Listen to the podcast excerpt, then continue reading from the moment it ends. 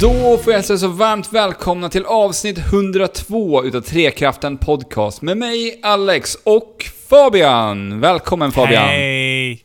Tack så mycket Alex, kul att ha dig tillbaka. Men det är inte bara du och jag här, utan vi har ju också naturligtvis... Ja men det är Andrew som sitter här, så att eh, välkomna allihopa till avsnitt 102. Vi har ju spelat in den här, den här inledningen ett par gånger, vi ja. undrade, säger man hundraandrade, eller ja. hur säger vi? Hundraandrade 102D. 2D. Mm, jag, jag, insåg att, jag insåg ganska snabbt att det varit enklare att säga att det var det 102 avsnittet utav Trekraften Podcast. Så så ja, fick det bli. Avsnitt 102. Ja. ja. Spelpodcast hörni, ja. det är ju detta. Alex, vet du vad? Nej. Eh, vi har ju saknat dig en del ju. Det har du, vi. du har inte varit med oss eh, förra veckan. Nej, veckan. jag, jag missade ju avsnittet när ni pratade om Comic Con. Ja, just Ja, det. Har du- du någonting du vill eh, lägga till? Eh, nej men det blir, det blir lite som alltid när man har varit på de här eventerna. Fan vad det är kul att träffa människor när man är ute. Det är Ja. ju sjukt trevligt. Det Sen... summerar eh, rätt mycket vad vi sa, satt och sa i typ två timmar. Ja, Ja. ja men det, det är ju det. Spelarna är ju oftast spel som ligger ganska nära in på release och så, så att det är inte någonting som man är jätteintresserad alltid av att spela.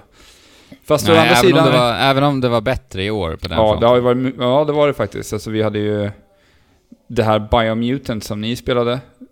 Ja. Precis. Det var ju verkligen någonting som man verkligen, som vi inte har sett på Comic Con eh, de tidigare åren. Att det är verkligen någonting helt sprojlans Nej. som vi inte ens har fått tillfälle att spela. Och sen hade vi även eh, Dragon Ball C Fighters som det heter. Som också ligger ändå Ja, rätt långt fram i tiden ändå. precis. Så- Och Nino Kuni, Mm. En hel del. Mm. Assassin's Creed, ja. Lyssna på uh, det förra avsnittet. Ja, Ja, ja, ja men som alltid helt jättetrevligt att komma ut och träffa lite folk. Man blir så himla instängd Ja. när man sitter och, och spelar spel och, som man gör. Man, eh, så, det är inte ofta man får träffa så mycket goda spelfolk så att det är jättehärligt. Nej, Nej. precis. Det är som att öppna, öppna gardinerna. Mm. Så säger man inte. Dra, dra bort gardinerna och så skiner solen in. Ja. Just det, precis. Men att ha dig tillbaka Alex, och vet du vad jag gör nu? Nej. Jag sitter här i min eh, härliga gamingstol och vid mina fötter. Ja, så Så ligger, ligger- mitt paket. Nej, faktiskt inte. Nähä. Utan själv, självaste, självaste ligger precis vid mina fötter. Självaste Alltså- SNES-minin då. Alltså din SNES Mini. Ja. Jag, jag fick ju äran att packa upp den här Alex. Ja. Eh, Och det är jag, din maskin. jag, jag har ju flyttat som sagt. Jag har ju inte hållit på att adressändra och så här, bara för att jag inte riktigt har hittat ett riktigt boende än. Så att det har blivit så att jag skickar fortfarande hem mina grejer till min, min gamla adress då. Och Mm. därför fick Ja. du då ta emot den Andrew. För att jag inte Ja. har någon adress just nu och min adress är 50 mil norr. Om där jag befinner mig idag. Mm. Ja. Men eh, det, det är klart att det känns lite tråkigt att det är du som sitter på den här och jag som betalar för den. Men, eh, Förstår det. Ja. men eh, vad gör man inte för eh, konsten med Trekraften? Att du, du ska ju göra en liten videosnutt på det här också. Så att jag litar ju på att du, Exakt. du gör någonting bra. Och den här videon kommer vara ute när då Andrew? Nu. Nu? Nu alltså. Ja. Ja. Eh, och grejen är ju så här va, om den inte är ute nu, då kan jag säga att det beror på att det har hänt någonting eh, tekniskt eh, drastiskt. Mm. Ja. Typ att att datorn har gått sönder, att filerna Ja. har raderats. ja, eller att SNESen har exploderat möjligtvis. Fast Ja. det spelar väl ingen roll, du har väl fångat allt? Ja, nej, nej det har jag Nej, inte. okej. Inte Då än. så. Då är det fortfarande en riskfaktor. Det är det. Eh, men den är jäkligt fin Alex, Mm. din lilla SNES Mini. Ja, den Ja, är, verkligen. Ja, men jag, Det jag, finns- jag, jag litar på det. Jag hade ju ändå kravet på så här, okej, men du tar den här, men då får du göra material på den också. Så att eh, Ja. du hade ju ändå ett Ja. litet mål, ett litet mission med det här. Ja, men precis. Ja, precis. Så Alltså, annars, hade så- jag, annars hade jag inte ens egentligen tittat på den. Nej. Alltså Förstås. det är ju någonting heligt med att öppna sina egna paket. Ja, jag vet inte om jag hanterar det här jätteheligt i videon, det får ni se. Ja. Men eh, den är otroligt fin. Alltså den är så, den är så gullig och söt alltså. Men ja, den är söt, är ordet. Ja. Och gullig. Gullig. Det säger jag mycket i videon Ja, faktiskt. Okej. och Ja. det är framför allt, jag har aldrig hållit i en ny SNES-kontroll. Och Aldrig den- någonsin? Aldrig någonsin tror jag. Nej, de de har varit li, lite så här gulnade, de jag har spelat på. Ja. Eh, lite typ tröga knappar här och där. Och framförallt axelknapparna har varit Tröga och de har knarrat mycket. Ja, och precis. Sånt där. Eh, men de känns väldigt så här klickiga, eh, just axelknapparna faktiskt. Ja, på de här På kontrollerna. de här. Jag vet inte om, som sagt, eh, Super Nintendo-kontrollerna gjorde det back in the days, när de var splitternya. Men som sagt, det är ingenting jag har upplevt. i Nej, alla fall. precis. Det Men var det- ju ett tag sedan så att, Det- va? det- Den släpps nu på fredag va, SNES Mini? Ja, Den är ju såklart jättefullbokad så att ni som lyssnar som inte har bokat den kommer inte kunna gå och handla den här på fredag. nej. Nej, tyvärr. Men Nintendo ska ju öka produktionen. Ja, och Ja. de ska även eh, återinföra NES Classic Mini ju Mm. Mm, nästa där- sommar. Ja. Så de lyssnar väl lite ändå. Och förhoppningsvis så får vi ju SNES Minin, eh, alltså den andra upplagan, till, väl till julhandeln. Eller något sånt. Ja, precis. Förhoppningsvis. Mm. Eh, Om inte alla de är förhandsbokade också. Jo, Ja, precis. alltså det är ju risken. Men Alex, jag har en fråga till dig. Ja. Eh, när du då eh, får din den här SNES Minin i dina händer, där den hör hemma. Mm. Vilket är spelet som du först kommer att kicka igång? Jag, jag har ju faktiskt sagt det i den här podcasten, om jag inte minns Jag tror fel. att du har det va? Ja. För att jag har ju pratat om Men- att jag är ett stort fan utav Metroidvania-spel, men jag Ja, har knappt spelat några Metroid-spel. Utan jag har spelat just- Metroid Fusion. Så att för mig Just blir det att faktiskt ta mig igenom Super Metroid. Uff. Wow, det kommer bli jättekul att höra dig prata om Super Ja. Metroid. Och sen så kan Ja, faktiskt. Så jag har ju en liten tanke med det här också som kan sen leda in på eh, det Andrew kommer ta upp också i det här avsnittet. För jag har ju en sån liten tanke att eftersom att det är första gången jag spelar Super Metroid så tänkte jag att jag, jag försöker streama det någon gång Ja. när jag Ja, får ner min dator hit ner. Ja. Så att man kan få vara med på den här lilla resan jag ska ta mig igenom det här spelet. ja. För att- Så döper du den till, är Super Metroid skit? Eller är det okej? bara, bara massa clickbait. Ja. Ja. Nej men så det, det tänkte jag göra, streama Super Metroid i alla fall. Ja. För då tänkte men jag att spännande. du kunde ta över där med streamingen där. För du håller ju just nu på att streama Wolfenstein. Ja, just det. Wolfenstein The New Order, alltså eh, originalspelet i Machine Games Wolfenstein-saga. Mm. Eh, och eh, jag streamade det förra onsdagen. Visst var det Mm. så? Ja. Mm. Och eh, ikväll kör jag igen. Eh, klockan 19.00 Mm. på twitch.tv Trekraften stream. Så det får ni ju såklart kolla in, ni som lyssnar. Ja. Jag tänkte att jag kan väl komma med intryck om själva spelet när jag är klar, tänkte jag. Ja, vi Eh. kan spara det. Ja, vi kan spara det. Men eh, jag kikar jättegärna förbi där, i alla fall. Ja. Men Alex, Super Metroid, ja, det, det var ju faktiskt det första spelet jag bara kickade igång snabbt idag när jag eh, latchade med din SNES Mini. Ja. Eh, och, och det är lite fint med SNES Mini för man kan alltså ställa in olika såna här ramar. För att eh, hela bilden fylls ju inte. Nej, det är Du så här inte spela i 4-3-format. widescreen. Ja, Exakt. Så då kan du alltså eh, utsmycka det här tomrummet med lite olika ramar då. okej. Eh, och just eh, Metroid så finns det ett väldigt passande sån här ram. En väldigt passande ram. Där är då en rymd, lite stjärnor ute i rym rymden va. Ja. Så den rekommenderar jag Alex, när du kickar igång där. Ja, vad ska jag kika på? Ja. Har man eh, massa olika, vad har man för olika nej, funktioner i, eh, på SNES-minin? Finns det några så här roliga? alltså, det fanns en som var lite häftig. Jag vet inte riktigt i vilken utsträckning det här fungerar, men på något sätt så kan man alltså spola fram och tillbaka det du redan har spelat. Aha. Och sen, säg att, sen kan du alltså spola tillbaka till en viss exakt punkt och sen vill du kanske spela ifrån just precis den specifika punkten. Så till exempel om du har haft en jäkla häftig bossfight i ett spel. Eh, sen trycker du på reset-knappen på SNES Minin och sen vill du, ja ah, men jag vill spela om den här bossfighten. Då kan du liksom spola tillbaka precis innan den och köra, köra om den, som ett exempel då. Okej, Det lämpar sig ju för- eh, Sands of Time. Ja exakt, Prince Prince of of Persia. Persia. ja. Men då, då lämpar det sig för speedrunners också, för de har ju lite sån funktion på, jag vet Ja, man kan nöta på det moddade vet du, konsoler och sådär, som de använder sig av när de ska nöta och nöta vissa områden i sina spel. Ja. Ja, precis. Eh, save states är det här precis som i Ja. nästan. Och det är i och med de här save statesen, det är där det här, den här nya funktionen också äger rum. då, Ja, så att okej. säga. Coolt. Så att, ja. Eh, och musiken i, i menyn är ju eh, inte riktigt lika bra som förra gången, tycker jag. Okej, Men den är fortfarande väldigt så här trallvänlig. Mm. Nintendo-trallvänlig va? alright.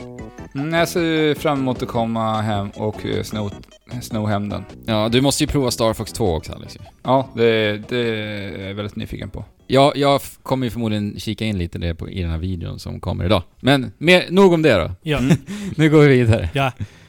Eh, förra avsnittet så snackade du om att du hade testat Octopath Traveler, det här demot som kom till eh, switchen. Jag ja. Du ja, Ja, Andrew. det stämmer. Eh, och jag testade det här också och jag spelade den karaktären som du inte spelade, alltså den här uh, dansösen. Just det. Och shit, alltså jag ser jättemycket fram emot Ja. Octopath Traveler. Ja. Dels, som du sa, det är så sjukt snyggt. När, när de har så här fusat den här, eh, den här pixelgrafiken och 3D. Men framförallt alla ljuseffekter Mm. så får det att se helt magiskt ut. Ja, Och verkligen. sen så, sen så tyckte jag att dialogerna var förvånansvärt jädra bra. Ja, för vi ska säga att det är röstskådespel alltså. Det är röstskåd ibland. Okej, det är inte In- alltid? inte alltid. Nej, okej. Mm. Men i de liksom stora storyplottarna så är det röstskådespelet. Mm. Och jag gillade ju inte alls Bravely, Bravely Default. Det här är alltså ut, samma utvecklare som gjorde det. Framför allt för storyns skull. Men det här känns typ så här moget på ett helt annat sätt. Som eh, lite JRPGs gjorde förut, eller? Nej, jo, men alltså JRPGs har ju alltid lite eh, omgetts av den här lite cringe-dimman som men- kommer ifrån liksom Japan-översättningar och hela eh, liksom kulturkrocken som sker där. Jo, men vad jag har förstått som så eh, är väl ändå en viss gemensam nämnare att de tacklar väldigt mörka teman, eller? Eh, du menar i. Octopath Traveler? Nej, alltså i JRPGs. Jo, kanske. Och att det blir eh, en dissonans där mellan... Ja, precis. Okej, det är så alltså. Eh, Jag vet inte. Alltså, det... Det finns många RP JRPG Ja, som har bra dialoger och så här. Men det Ja. här tycker jag känns på liksom lite en helt... En annan nivå. Mm. Okej. Mm. Eh, och där i också så här röstskådespeleriet. Det känns liksom teatraliskt på ett sätt. Jaha, Att det är- så pass. Att det typ är som att man ser på en pjäs. Ja.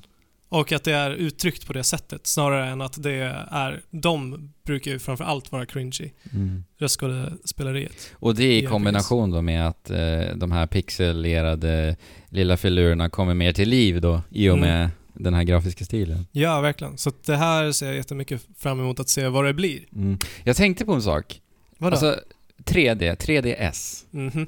Hade inte det här spelet varit liksom nästan fantastiskt med just 3D-effekten på en Jo, 3DS? Det tänker borde det nog. Men frågan är om den hade kunnat klara av alla ljuseffekter och så. jag. Jo, men jag tänker bara, om det är någon gång man faktiskt ja men 3D, jag skulle vilja ha det nu. Då, Ja. då är det typ till det här ja, spelet. typ. Problemet med Octopath Traveler är att det ligger så mycket andra grejer på som ljussättningen och Ja, just den Ja. delen hade ju inte 3D klarat av, men jag förstår vad du menar. Så det är just Ja, att det precis. känns så här Ja. pixelerat fast ändå 3D någonstans. Hade varit väldigt Ja. coolt med 3D. jag skulle, jag skulle bara vilja ha det, om man säger så ja. Ja.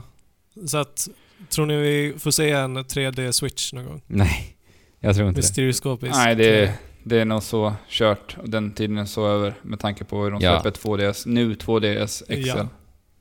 Alltså den tiden är ju förbi. Ja. Men det var, ju, det var ju alltid trevligt att sätta på 3D-effekten på framförallt nu 3DSen. Jag gillade 3D Jag på 3DS. Spelade alltid med 3D-sliden på max faktiskt. Alla spel. Mm. Jag med. Men nästa gång vi får se 3D, det är ju... Eller, vi gör ju det idag, men det är ju VR. Jo, precis. Det är ju 3D. Ja. Automatiskt. Mm. Ja. Men vad har vi spelat i veckan då? Förutom eh, lite demos där Fabian. Alex, har du Jag, spelat någonting? jag har ju eh, spelat eh, lite slagsmålspel. Ah, just Ja, lite slagsmål. Det är, det är någonting vi har fått mycket av det här året. 2017. Ja, verkligen. Vi har fått Mhm. en hel del eh, fightingspel det här året. Och det ska bli kul att se i slutet av året vilka som man tycker faktiskt står sig som det bästa.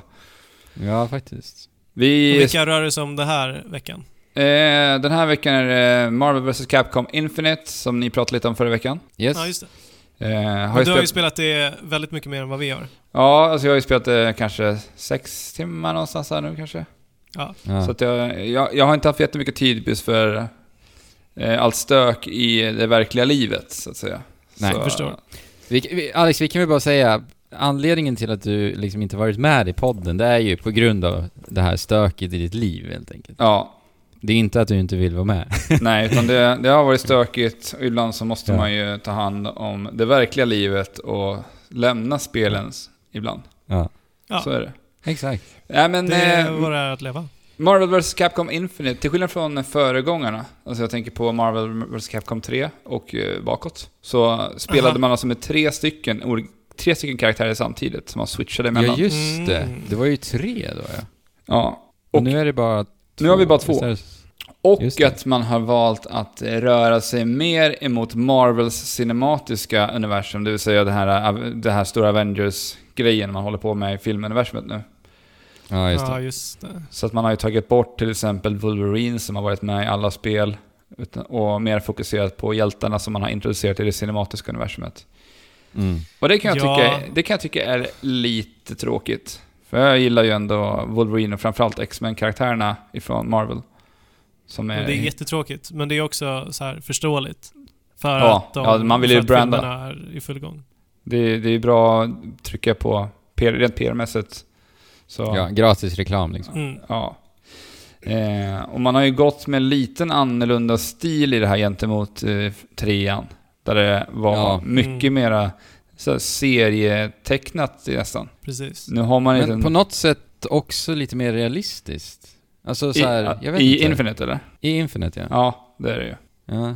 Men man har lämnat det här lite mer, det här grafiska mycket mer och rör sig Ja. mer mot realism i, i design Ja, och så. Vad, vad, vad tyckte ni om det när ni spelade det här? Alltså jag har ju ingen riktig relation till det. Alltså jag tyckte det inte såg eh, fantastiskt ut. Men Nej. det såg ju bra ut i rörelse. Som sagt, det sa Mm. vi förra avsnittet. Ja, jag, jag, tänker tror- att, jag, jag tänker att jag som, eh, som ändå spelat flera Marvel-spel är ganska målad av hur jag vill Ja. ha ett Marvel också. Ja. men precis. Och det kommer ju ändå väldigt mycket Marvel ifrån serietidningsvärlden. Och Mm. då är det jättekonstigt att man bara väljer att slumpa, eller kasta bort det. Ja, Ja. faktiskt. Ja, Jag kräktes ju faktiskt lite över den grafiska stilen. ja, för jag Det tyckte hörde att, ni i förra veckans podd Ja, ja. också. Så. ja, för jag gillade det för att jättemycket hur det såg ut i trean. Jag tyckte att det var riktigt snyggt och gjorde sig Ja. bra. Jag får titta på uh, jämförelsevideos eller bilder. Ja, det får du göra. De hade också introducerat ett litet storyläge som jag knappt har påbörjat. Jag har bara kört typ två, tre fighter någonstans i storyläget. Ja. Men det verkar ju vara ganska omfattande. Baserat på eh, lite trailers jag släppt nu så verkar det ändå vara eh, liksom lite kött på de där benen. Vad Ja, in, inte inledningsvis i alla fall. Det är ganska Okej. så platt faktiskt. De eh, stöter ihop i varandra, de här olika figurerna, mellan Capcom och Marvel-universumet. Och alla känner alla av någon anledning. Okej. Så att, eh, det, det, det är inte på Injustice-nivå om man säger så. Nej, absolut inte. Där är det mycket mer väl, välgjort skulle jag säga. Ja. Jag är inte jättesugen på att fortsätta med det, men jag ska väl testa och se om det har något mer att erbjuda i det där storyläget. ja. Men i fightingspel så är det ju ändå uh, i slutändan versus-läget som räknas. Ja. Mm. Och eh, jag har faktiskt riktigt kul med det här spelet. Jag tycker att de, de gör det bra för att de har förenklat vissa grejer i det här spelet. Att du kan spela med typ, typ ett easy mode. Som gör Okej. att du... För att Ma- Marvel till skillnad från Street Fighter jobbar man mycket mer vertikalt och jobbar mycket mer i luften. Så du, det är mycket just fighter det. upp i luften. Och i tidigare Marvel så har det varit beredd, de har du blivit tvungna att hoppa i sista slaget när du då slungar upp din motståndare i luften. Men i, i Ja. Infinite så finns det som en autofunktion så att den, din karaktär hoppar upp samtidigt, eller hoppar upp automatiskt då. Så att du Ah, kan okej. fortsätta ditt kombo i luften. Och sådana här saker underlättar ju för dig som ny spelare. För att Marvel Ja, är också ett så här precis. sjukt stökigt spel för den som inte är van vid fightingspel. Det händer grejer Ja. och det sprängs överallt. Det är fullt med effekter överallt liksom. Ja. Och, och, och jag tänker så här. Det är ganska skönt att man bara är två karaktärer i Marvel vs Capcom Infinite, för fan vad det hade blivit stökigt annars. Ja, verkligen. Ja. Alltså även jag som är verkligen uh, fightingspels noob Mm. kunde ändå tycka det var kul att spela där. Ja, ja, Mm. men jag märkte att ni båda ändå hade väldigt kul när vi satt och körde det här. Ja, ja. Men frågan är ju hur djupt är det och hur djupt går det? Är det liksom kul både för nybörjare och för uh, inbitna spelare? Mm. Ja, det kan ju inte vi svara på. Nej, det är jättesvårt för mig att svara på det också faktiskt. Ja. Jag Det- vet det ju, ju liksom du är ju liksom min måttstock Fabian. Okej. Du hade kul och du är ganska Ja. grön på fighting. Ja, Ja. men det är ett ganska kul fightingspel för nybörjare. Ja, okej. ja, men det, det kan man dra. Ja, men alltså, Men man, det är, vi får ändå komma ihåg, det är ju Capcom som gör det här spelet. Ja. Alltså, mm, de kan ju sin fighting. Alltså det är ju ett roligt fightingspel. Mm. Hur man än vrider och vänder på det. Men sen är det ju saker runt omkring som kanske inte känns helt klockrena med eh, Marvel vs Capcom Infinite. Nej, nej, Och det, är, vad sa du? och, och det går ju också lite att applicera på liksom Street Fighter 5-lanseringen också. Mm. Mm. Alltså där har vi, enligt mig, det bästa fighting-spelet som finns just nu liksom. Street Fighter 5. Mm. Men det var ju väldigt mycket saker runt omkring som gjorde att, eh, ja, lanseringen blev som den blev liksom. Ja. Ja, Och det är väl lite så nu också, eller? Kan jag, jag vet inte, jag, jag får den känslan med eh, det här spelet också. Eh, alltså jag, jag har ju inte hunnit liksom nörda ner mig ordentligt i Marvel ännu. Nej. Jag har ju bara spelat det väldigt casually nu på Mm. inledningsvis. Ja men jag tänker liksom, som ett exempel, eh, karaktärsgalleriet. Vi pratade om det förra veckan också. Det är Mm. så här eh, väldigt många märkliga karaktärer och märkliga val helt enkelt. Hela ensemblen känns så konstigt sammansatt. Eh, speciellt när man tänker på vilka karaktärer de skulle kunna ha med liksom. Mm. Eh, men sen till exempel nu när det var Vilken, Tokyo vilken Game sida syftar du på då? Syftar du på eh, Capcom-sidan eller Marvel-sidan? Egentligen alltihop. För att Marvel-sidan förklarar ju sig själv Den är ju genom- bättre. Alltså den, Ja, den är, är ju den är ju bättre. väldigt enhetlig i och med att den försöker sammankoppla liksom Ja, Marvels cinematiska universum och jo. med det här då. Men eh, nu på Tokyo Game Show så fick vi ju veta att Monster Hunter-karaktär kommer. Ja, Och det, det, det har ju ändå varit en karaktär som många fans har velat se. Mm. framförallt eh, Monster Hunter-fans. Ja, precis. Monster Hunter-fans. Eh, och därigenom då Capcom-fans. Ja. Lite. Eh, men eh, det kommer som nedladdningsbart material liksom. Så att, ja. I slutändan kanske det här kommer vara ett hejdundrande fightingspel. Ja, alltså Men de, de har Jag, ju... jag kan ju inte gå och stå, sitta här och säga att, eh, hur, att det är bu eller bä. Men det är Nej. bara mina intryck liksom utifrån. Nej, så, och sen beror det ju på hur, hur man ser på det. För jag, både du och jag har ju tittat en del på competitive fighting också. Ja. Och eh, vad är det som avgör om det är ett bra fighting? Är det om det, om det klarar av, om det kan stå sig på den kompetitiva scenen? Om det är så du tänker också? Ja. För så tänker ju jag lite när jag spelar fighting. Jag vill ju se en kompetitiv scen med ett fightingspel man gillar. Ja men så är det ju. Alltså om man grottar ner sig i ett fightingspel då är det ju alltid härligt att emellan rundorna liksom slänga på Twitch och kolla på lite proffs som spelar och sen ibland är det en turnering att titta på liksom. Mm. Mm. Jag såg att de hade faktiskt det här CEO som var här i helgen och då körde de nämligen Marvel vs Capcom. Den nya Var Infinite. då. CEO i helgen? Ja. Är det sant? Jajamän. Oj, det, det hade jag missat. Ja. Så... Och de körde det alltså? Ja, så det, de är Jaha. igång. Det har väl ersatt eh, Marvel 3 då antar jag. Men, vi får ju eh, se på Evo Japan också då, som är i januari nu. Ja, det blir spännande. Mm. Det stora frågetecknet egentligen med Infinite är väl de här uh, Infinity Stones. Så för varje gång när du, när du väljer dina karaktärer så kan du också välja en sten. Mhm, just de här stenarna har olika funktioner. Det finns en som gör att du kan skicka iväg olika orber mot en fiende. Det finns en som gör att du kan skicka ut en, eh, en stor kub som låser in din motståndare i den här kuben så att det inte kan ta sig Ja. ur den. Och det här... Blir man immobil där också då eller? Alltså i den kuben kan du bara hoppa, du Ja. kan inte hoppa utanför den. Sen kan din motståndare då träda in i den här kuben. Så att du, du Mm. blir liksom låst där. Tänk er som en bur nästan. Ja. Och det är väl det där jag tänker kan bli lite svårbalanserat. Alltså hur... För att ja, Jag vet inte riktigt hur många Infinity Stones det finns nu. Jag tror det är sex eller sju stycken. För det är ju baserat på de här Mm. stenarna som man jagar i Marvel-filmerna nu. Man håller på att samla Mm. alla de här Infinity Stones. För det stora Infinity, Infinity War som då ska vara sista Marvel-filmen. Ja. Den här striden med Thanos då. men det är väl där mycket av metan kommer komma in, kan jag tänka mig. Ja, Vilka, vilken sten till vilka kombinationer som är ja. mest optimalt, bla bla bla. Jag, jag, jag drar ju genast tankarna till hur det var med Street Fighter vs Tekken. Visst var det så? Ja, Där man hade Pro- också de här ja. olika... Vad kallar man det? Gems tror jag man kallar det då. ja, Där du kunde det sätta olika gems på dina, dina hjältar som gjorde att de typ gjorde autokombos och de vart mycket enklare att spela.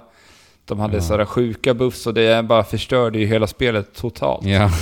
Mm. Men så verkar inte det här vara ändå liksom. Men jag Nej. förstår ju ändå vad du tänker. Ja, det, de verkar ju ändå ha lärt sig någonting av det för att det spelet var ju katastrof på den fronten. Därför aldrig tog sig till den kompetitiva scenen riktigt. Nej, precis. Men eh, jag eh, ska spela vidare mer. Har jag mer att säga om det här sen så får jag helt enkelt återkomma. Ja. Ja. Sen har jag ju dunkat på eh, Pokémons i Pokémon Tournament DX. ja, just det. Hur känns det då? Eh, jag gillade ju faktiskt Pocken när det kom till Wii U. Du och jag spelade det, Fabian. När det Ja. begav sig. Och vi båda gillade det ganska mycket. Ja, men alltså, jag nötte ju några kombos där i Mm. alla fall. Det är väl det så långt jag har tagit ett fightingspel någonsin. Mm. Om vi, Ja, om om vi inte på Smash då. räknar Smash Bros. Eh, som inte är ett fightingspel i... Den bemärkelsen. Nej, inte alls. Men, Men- hur känns det på Wii U då? Eller på Eh, Switch? Det, men, eh, det känns precis så som jag, jag mindes det på, på Wii U egentligen. Ja. Och jag, jag spelar ju samma karaktär, jag spelar Gengar fortfarande. Som är en fantastisk, gud vad, vilken, vilken väldesignad Pokémon det är. Du håller dig vid Gengar alltså. Ja. Har du testat de nya som har kommit? Nej, jag, eh, jo det har jag faktiskt. För det finns en eh, sån här läge där man kan gå in och köra en daily challenge. Okej. Där du eh, blir slumpad med olika Pokémons. Och det, det kan vara Okej. så att du ska ta Ah. ner den här eh, teamet tre gånger. Eller du ska ta ner den här eh, gubben en gång, men då har eh, man har så här, om du, faila, om du failar så får du typ en extra chans. Så det finns ja, lite olika variationer på vad du ska göra i de här daily challenges helt enkelt. Alright. Är, Och där eh, slumpas det alltid vilka Pokémon du spelar, som man får testa på lite. vad får man av att göra daily challenges då? Du kan låsa upp till exempel olika sådana här tags att sätta på din är sån här kommentar, Okej. vad heter det? Kommentator? Alltså eh, kommentar under din eh, name tag i Jaha, eh, multiplayern. Ja. Jag, jag tror att det heter väl title i Ja, fightingspel, precis. Title heter det. Ja. Du kan låsa upp olika föremål till din eh, karaktär att sätta på. Sådär. Kepsar och Okej. tröjor och allt sånt där. För det Är finns en hel del föremål att låsa upp till sin lilla figur som man kan. Ja, precis. Men är storyläget detsamma? Eh, storyläget är ju det här att man ska klättra upp i, genom ligorna. Och det, så långt som jag har spelat så är det detsamma i alla fall. Ja. Det är och, det där med... eh, Ja, man Dark... får väl säga dark, det. Med Dark Dark. Mewtwo. Ja, Dark Mewtwo. Ja. Ja. Ja, men jag tycker det är jätteroligt och uh, Pocken Tournament spelade jag en del, rätt mycket just i början, men sen så rann det liksom ut i sanden lite grann. ja, precis. Kanske på grund av Wii U, eller? Ja, Lite. kan ha varit Ja. det. Men jag känner att nu har jag ändå så här, uh, när jag har haft lite tid över har jag plockat upp Pocken och kört ett par runder och jag, jag har riktigt roligt med det här spelet. Ja, vad kul. Du har mest spelat i handheld mode? Jag har, inte sant? nästan, jag har bara spelat i handheld. Jag har inte Jaha, haft min okej. Switch dockad på uh, över en månad nu. Men det funkar bra? Så? Ja, det funkar jättebra. Och det har, du har ju också lite klämt lite på handheld-läget i det. Jag har också känt på det. Jag tyckte det kändes eh, förvånansvärt bra, till och med. Mm. Ja, men det måste ju kännas jättekonstigt att sitta och hålla i en konsol. Eller sätter du den i desktop mode? Eller vad heter det? Nej, jag håller den. Du håller Jag den? håller. Ja. Ja. Vad märkligt. Vad är det som är konstigt med det? Att spela ett fightingspel på det sättet. Jaha, nej men det kändes jättebra. Coolt. Eh, Mm. Alltså jag har, inte, jag har egentligen inte spelat Pokémon någon, eller vad säger jag? Pocken. Någonting alls överhuvudtaget egentligen. Mm. Förutom då, då när jag provade nu på switchen. Jag spelade väl kanske fem matcher eller någonting sånt där. Mhm. Och jag vart ju indragen. Det var ju nästan på den nivån att jag var nära på att köpa det liksom. Alltså det är, ett, det kändes kul. Det är ett riktigt roligt uh, fightingspel och det har ett uh, riktigt, riktigt djup. Ja, och jag och hittar du- hela tiden nya sätt att göra kombos med, med en Gengar. Vad det där? Men då kan jag skicka upp den i luften så, då kan jag göra det där kombot. Alltså jag lär mig nya saker hela tiden. Och det Mm. är ett så pass enkelt fightingspel att hoppa in i. Till skillnad från när vi Ja. tittar på Street Fighter. Eller Marvel Ja, som ja. vi precis pratade om, där vi har kvartscirklar framåt, kvart, halvcirklar bakåt. Vi har, alltså det, det är så mycket att tänka på. Det här handlar Mm. mera om att du ska läsa av din fiende. Tänk er mer tecken. Mm. Alltså, sten, sax, påse, verkligen traditionellt. Ja, och så läs av var, vart din fi- motståndare befinner sig i luften, när du ska slå, mycket mer än det tänket. Och det är väl lite det vi Mm. ser i, eh, i Smash Bros också. Kanske därför Ja. det funkar bättre för dig Fabian. Pocken just. Ja, kanske. Ja men faktiskt. Eh, Och sen eh, så här, baserat på de matcherna jag spelade så tyckte jag väldigt mycket om eh, dynamiken i och med att man alltså skiftar mellan 2D och 3D. Mm. Mm. Jag gillade det alltså. Det, jag tyckte det, det var så här. Det tillför ju också ett sånt här härligt spektakel på något vis till fighterna så här. Ja. Alltså, Att man det- bara så här dashar in och sen nu är det 2D och liksom... det, det var så här det som är lite skön- intressant härligt. i det också, är ju att eh, man får lite andra typer av moves i 2D. Exakt. Ja, precis. Det, ja men precis, det ändrar ju spelstilen en del också. Ja, och det tycker jag också är intressant, för det pratade vi mycket om när vi pratade om, om Injustice, hur det använder sig av miljöerna, hur det försöker göra nya saker med fighting-spelarna. Och det, Ja. tycker jag, Ja. det tycker jag att Pocken vågar göra. Det vågar göra någonting nytt Ja. med fighting. Och det gör det Mm. väldigt, väldigt bra. Ja, men det känns som ett unikt fightingspel. Ja, Unikt känns det. Ja. Ja, och det är. Det, det, det jag, gillar Pocken riktigt mycket. Det är en stark rekommendation för er Switch-ägare som är sugna på lite fighting. Jag är ju sugen, Alex. Jag är ju Mm. sugen. Alltså. Hoppa in, eh, ska, skaffa Pocken, skaffa Pocken ni där ute och sen så sätter vi upp lite Pocken Fighter på, på vår Discord. Och då kommer ju det bli ännu roligare. Ja. Förstås. Det är klart att det blir det. Skaffa Pocken Ja. du också Fabian. Nu jävlar, nu slåss Ja. vi med Pokémon. Och så Ja, peppar Pocken. vi inför Pokémon Switch. I två år. Ja. Minst. eller tre. Eller Mm. fyra. Eller fem. Ja. Ja, men jag, jag, jag, tycker det är toppen. Härligt. Mm. Pocken är toppen. Pocken är topp. toppen. Ja, rimmade inte riktigt, men vi säger att det gör men det. Lite Två konstigt. bokstäver bredvid, bredvid varandra i alla fall. Ja. Ja. Ska vi gräva oss vidare? men det gör vi Alex.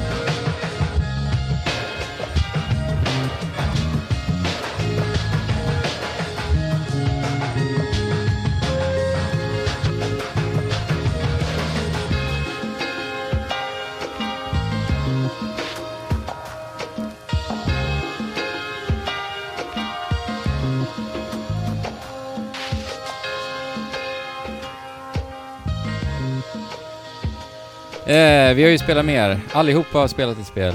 Mm. Eh, därav Alex fantastiska segway. Mm. Gräva sig vidare. Vi har spelat Steam World Dig 2. Yes. Eh, och det här är Image and Forms nya spel. Ja. Ju. Och vi hade ju eh, Brian i, eh, som gäst i slutet på Ja. förra året. När de släppte Ja. eh, Steam World Heist på Wii U då. Just omkring. Precis. Ja men det stämmer Alex. Och eh, om man vill lyssna på ett litet härligt prat vi hade med just Brian. Han har ett väldigt svåruttalat namn. Mm. Sigurdsson heter han efternamn. Eh, det- Geirsson. Ja just det, det var ju också ut, svåruttalat. Ja. Mm. Så kan man lyssna på avsnitt 71. Eh, där vi pratar med honom. Mm. Mm. Mycket trevlig kille. Mycket trevlig kille. Eh, Mycket god gubbe, som man säger om göteborgare. Precis. God gubbe. Men nu sitter vi här då 2017 med deras nya spel Steamworld Dig 2. Ja. Jag spelade inte ettan. Jag spelade spelade ettan ettan. på uh, 3DS. Jag med. Du gjorde det? Vad tyckte du om ettan Fabian? Jag tyckte det var ett jättefint litet spel. Som... eh, som det, det är ju verkligen Steamworld. Och det här tvåan är också verkligen Steamworld. Dig. Dig Mm. ska vi säga, såklart. Eh, nu var det ju ett tag sedan jag spelade det. Var det bra eller dåligt? Det var, det var jättebra. Det var, det var litet liksom. Ett indiespel. Ja, det Ja. var ett väldigt kort spel, det första Ja. spelet. Det var eh, väldigt mycket mindre ändå, skulle jag säga, än vad tvåan är. Väldigt mycket mindre ja. Det ja, var... Men av förståeliga skäl förstås. Ja. också. Mm. Det var ju deras första Nej, andra... 3D, andra 3DS-titel. Visst var det? De släppte väl... Han, han berättade ju Ja, det allt var, det där ja, just i det. Det var ju något 70. Tower Defense-spel där också. Exakt. Ja, Men, men det allt säger han i det där avsnittet sen du hänvisar till så.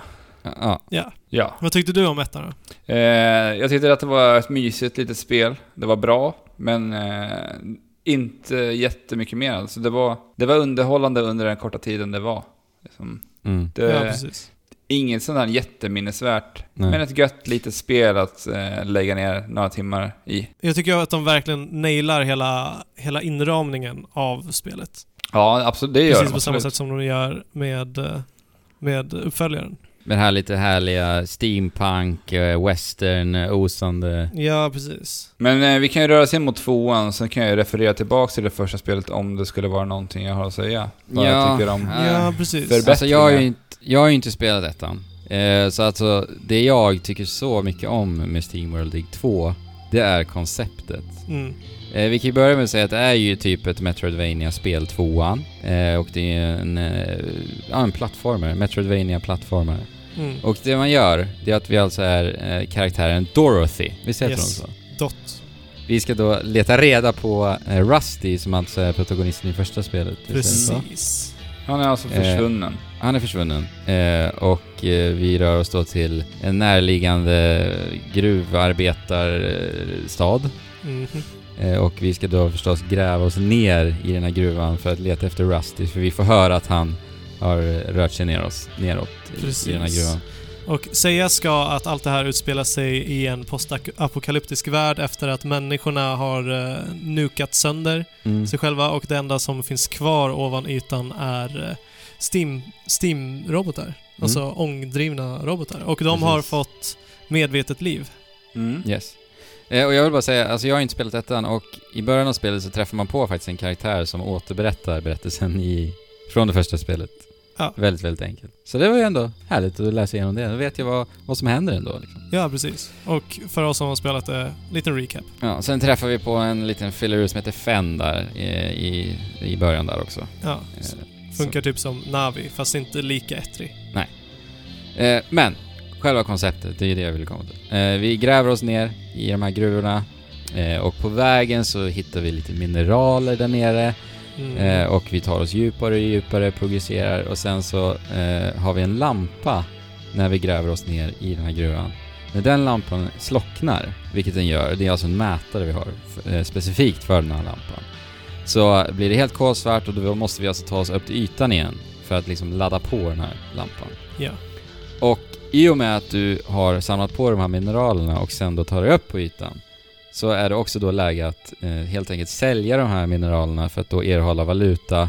Med den här valutan uppgraderar du hela din karaktär eh, och alla dina förmågor som du har. Så som lampan då till exempel. Så att du Och kan laddar upp driva. lampan Så, Precis. Så, Och- så att den och räcker sen- längre, så, till exempel. så att den räcker längre. Ja men som ett exempel, det finns ju massa olika. Och sen så eh, gör vi det igen. Ner, ännu djupare, samma sak. Och sen repeteras det där va? Ja, och på vägen så, så progresserar storyn och man kommer över lite dittan och datten. Ja men, Men, det men, finns men när, när, du, när du beskriver det sådär nu Anders, så får det med- just när jag tänker på så som jag upplevde Steamworld Dig, det första spelet. För Ja. Där var det väldigt Ja. mycket bara grävde ner, upp igen, grävde ner, upp igen, grävde ner, upp igen. Sen fick man inte Precis. så mycket mer nytt. Okej. Och det är ju här den stora skillnaden kommer i Steamworld Dig 2. Ja, För att du får alltid- är ju fantastisk.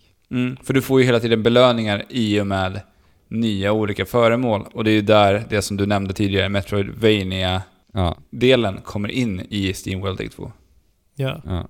Och alltså, jag måste säga att här, i det här när man gräver sig ner efter mineraler, min OCD-nerv triggas som bara den. Skojar och jag är helt insluten, eller omsluten. Jag är helt fast i, i bara samlandet av mineraler. ja. Och sen så är det så tillfredsställande när man kan använda de här mineralerna till att, utveck- till att uppgradera sig själv och grejer. Ja. ja, verkligen. Alltså spelförloppet är så otroligt beroendeframkallande. Ja, Alltså- alltså, för mig. Ja men för mig med. Jag, alltså jag kunde inte sluta spela det. Nej, alltså det, så, här, så här såg min, eh, min genomspelning av SteamWorld Dig 2 ut. Jag började på en kväll, jag spelade in på natten, jag gick och la mig, jag gick upp, spelade tills det var slut. ja, det, Mm. det, Så beroendeframkallande var det för mig. det är jättebra alltså. Och sen är det lite hä- häftigt med just det här konceptet också, att vi gräver oss ner så typ man på något sätt nästan skapar liksom sin egen karta Ja, också, precis. vilket är lite häftigt. Mm, för man ser ju hela tiden, man ser ju alltid kartan väldigt tydligt uppe i sin minimap uppe i hörnet också. Ja, exakt. Så det ser man ju liksom vart du inte har grävt och så vidare. Ja, och sen så framförallt i början så finns det ju det här eh, tänket som, alltså du måste alltid gräva med omsorg Mm. för att inte gräva så att du inte kan gräva ut den där mineralen. Exakt.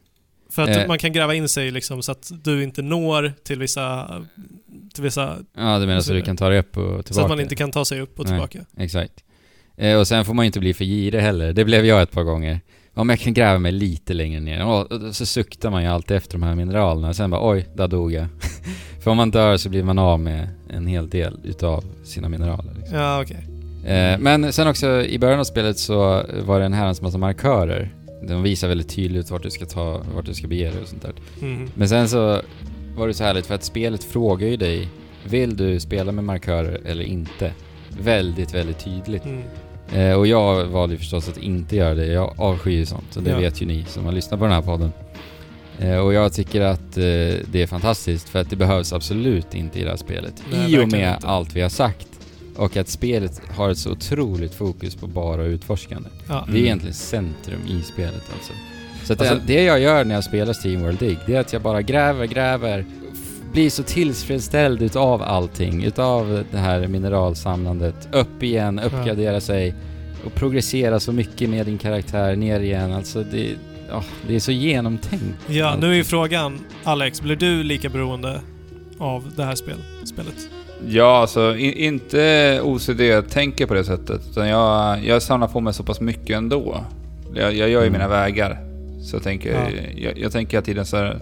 Hur blir den smartaste vägen för mig att gräva för att ta mig framåt och samla på mig så mycket mineral som möjligt? Så tänker Ja. jag snarare när jag spelar Steamworld League. Men jag hade en sak att säga dig, om, eh, till dig Andrew, när du nämnde det här med att man får välja sina markörer. Mm. För att där tycker jag att det märks att Immersion Form verkligen lyssnar till spelare. Alltså Ja. hur vi spelare vill spela våra spel. För det finns en Ja. annan sak som man också kommer in, få- får e- erbjudande av längre in i spelet. Och det tycker jag man Ja. kan säga. För det, Ja, ja. det är ju ingen, eh, det är ingen sån spoiler-grej, utan du kan helt enkelt Nej. välja längre in i spelet att spela spelet på en svårare svårighetsgrad. Ja, exakt. Och det tycker jag är så himla härligt att se. Att det är så, de är så övertydliga med att de vet att spelare, det finns spelare som vill ha lite mer utmaning. Precis. Exakt. Och liksom för mig då att jag kunde ta bort markörerna. Bara där så bara eliminerar de ett, ett liksom ganska stort problem som jag personligen Ja, har med precis. många spel. Liksom. Om markörerna hade varit obligatoriska så hade jag inte alls kunnat uppskatta det spelet.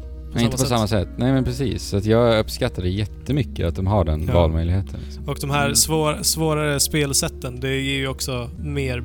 Alltså det ger ju belöningar. Så att Ja. du får mer XP eller mer guld eller vad det kan vara. Mm. Men eh, jag, jag tänker lite på, nu, vi har ju spelat eh, Breath of the Wild här i år, man Ja, utforskar, precis. vi hade ingen karta någonting.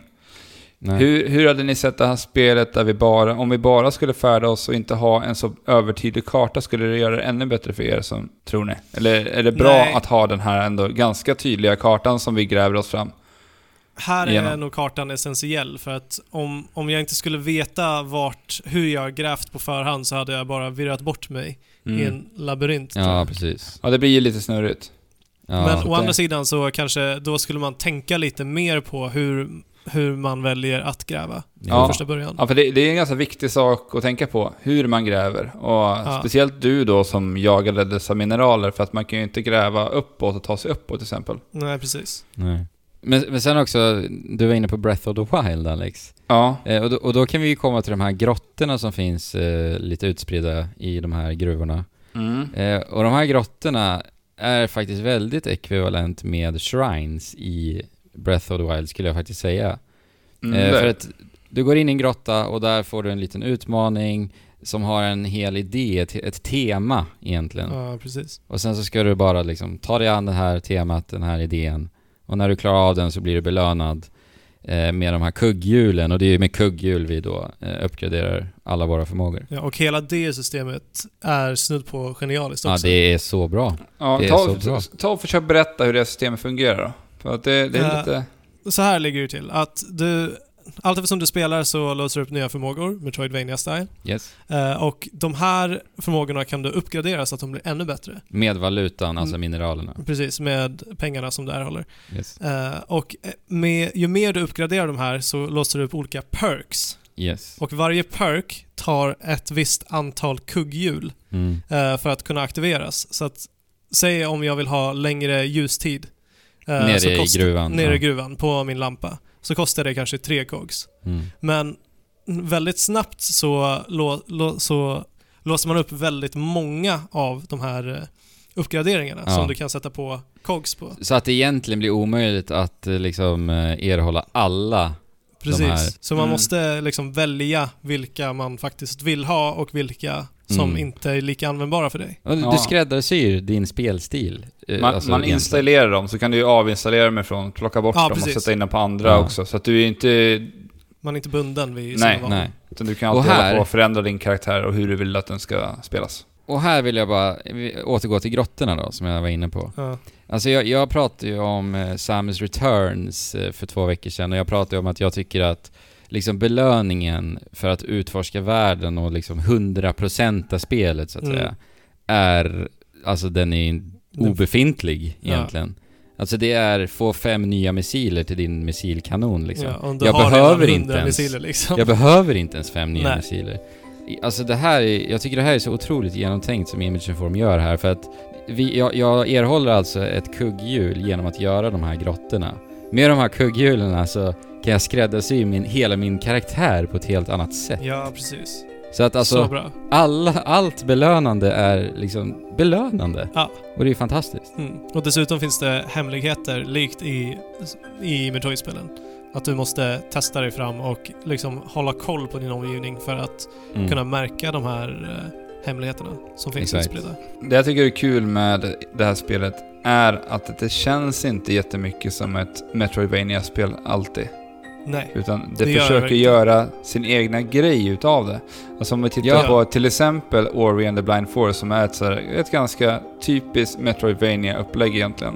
Ja, precis. Mm. Där vi har färdiggjorda banor. Men just eftersom den här grejen att vi gräver våra egna banor. Ja. Det är mycket mer utforskande och ett mer valfritt utforskande i hur du själv som Precis. spelare Verkligen. utforskar. Men det, det, det är ett ganska uni, en unik tagning på Metroidvania-genren.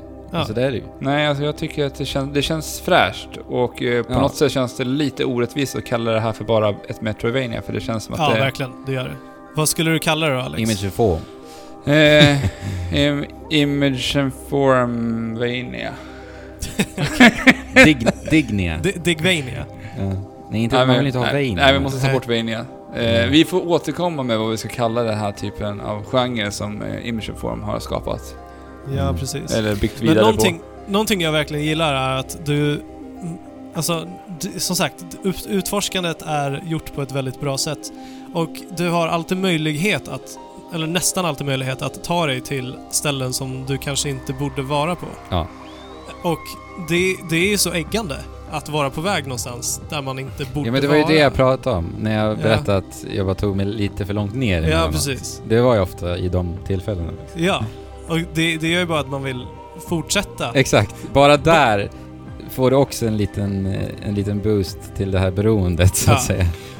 Sen, sen tycker jag att eh, om man tittar på hur det var i ettan där, jag, där, man, där det egentligen bara var att gräva sig rakt ner Ja. i marken. I tvåan har man gjort det så mycket mera. Där det finns, det är som segmenterat olika levels som du börjar liksom gräva rakt ner i. Ja, precis. Så du har olika Men- så här, startpunkter där du börjar gräva dig ner.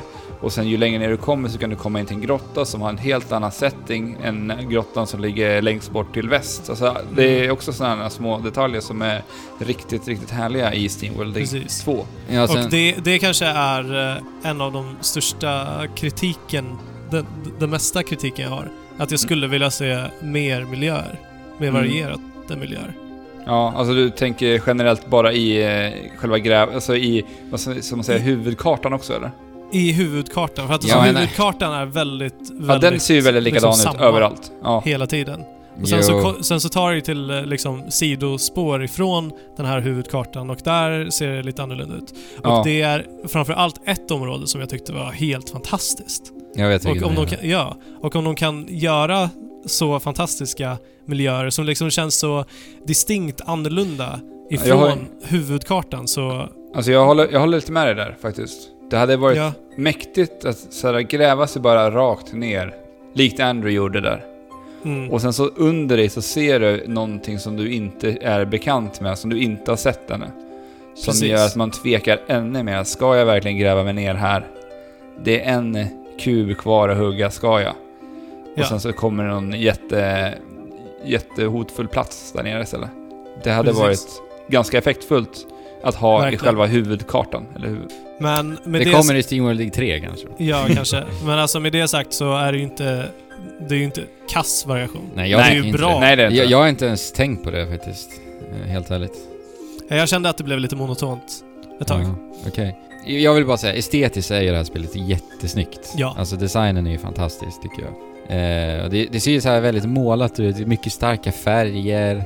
Och det, jag tycker aldrig att det ser platt ut för att vara ett mål, målat spel om man säger så. För det tycker jag att sådana spel ofta har en tendens av att göra. Mhm. Eh, för de ar- arbetar så mycket snyggt med så här lager och det är olika färgnyanser och väldigt mycket detaljrikedom, speciellt hos karaktärerna. Ja men precis, och bakgrunden känns alltid... Det känns som att det har ett djup. Ja, verkligen. Alltså, jag, det- jag tycker att det är ett jättelyft sen eh, det första spelet. Oh ja, Rent jag har ju kollat på ettan. Och oh ja, det är sånt, sånt lyft alltså. Eh, så att, ja det, det har ett sånt härligt djup och det bara ser så jäkla snyggt ut alltså. Mm. Eh, Någonting- men, men i och med det så kan jag ändå säga lite, jag tänker på i, i nivådesignen, alltså när vi är nere i gruvorna. Mm. Det är egentligen oundvikligt på grund utav konceptet, men alltså allting är ju indelat i som ett rutnät. Mm. I och med att du liksom bankar bort block. Ja precis, det blir Som- Minecraft Ja, precis. på det sättet. Jag tycker ändå att de har gjort ett bra jobb med att få det att kännas eh, snyggt. Ja. Med tanke på vad det är om man säger så. Ja men vadå, jag tycker det är ett jättefint spel. Ja, ja. ja. Mm. Någonting jag saknar från ettan, det är en liten petitessgrej.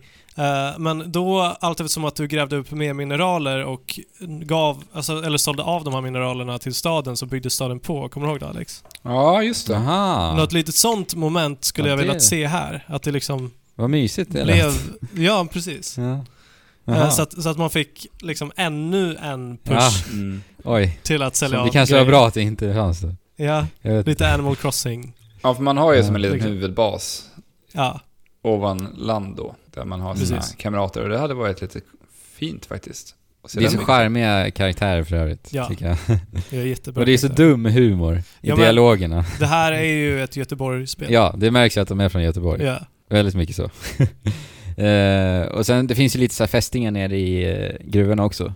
Fästingar. Fästningar. Ja. Fästingar. Fästingar kanske du- det också finns. Jag, jag tänkte du mena fiender. Fienderna, ja. liksom. Men, ja. Eh, men eh, där vi också stöter på lite eh, karaktärer.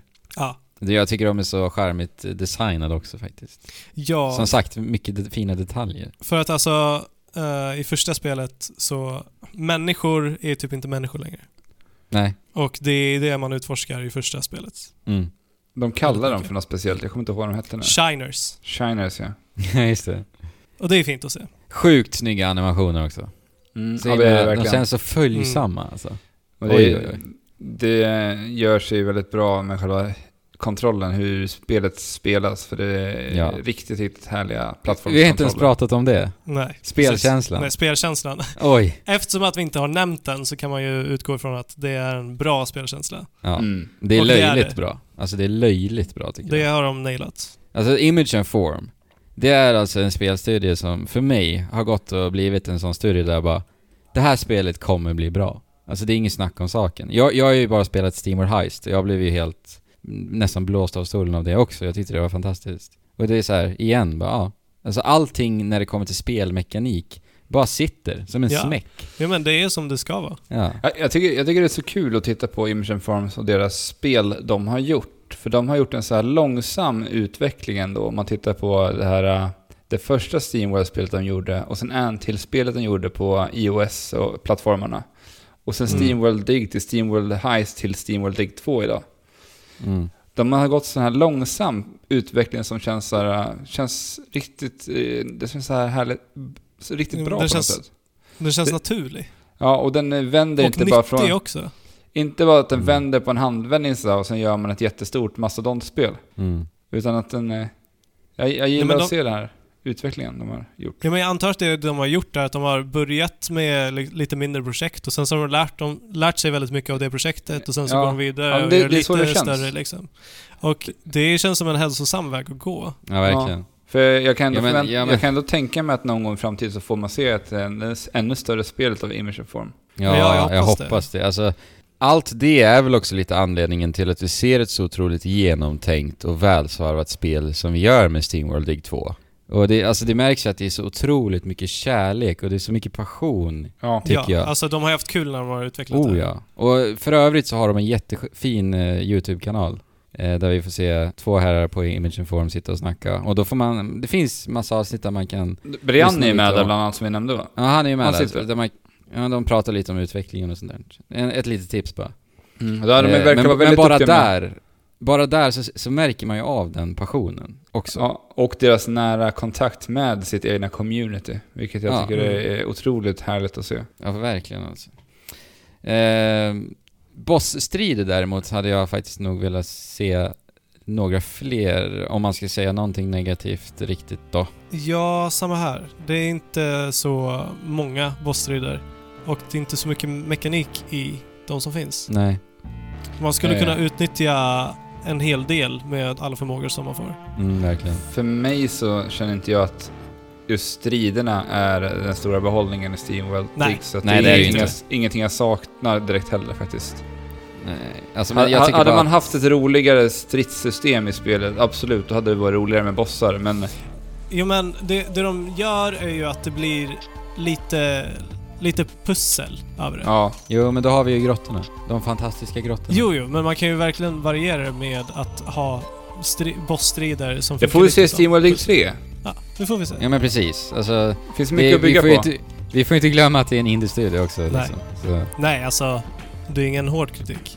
Eh, och eh, fienderna är egentligen lite samma sak. Dock Ja. vill jag säga att de fienderna som finns tycker jag väldigt, väldigt, väldigt mycket om.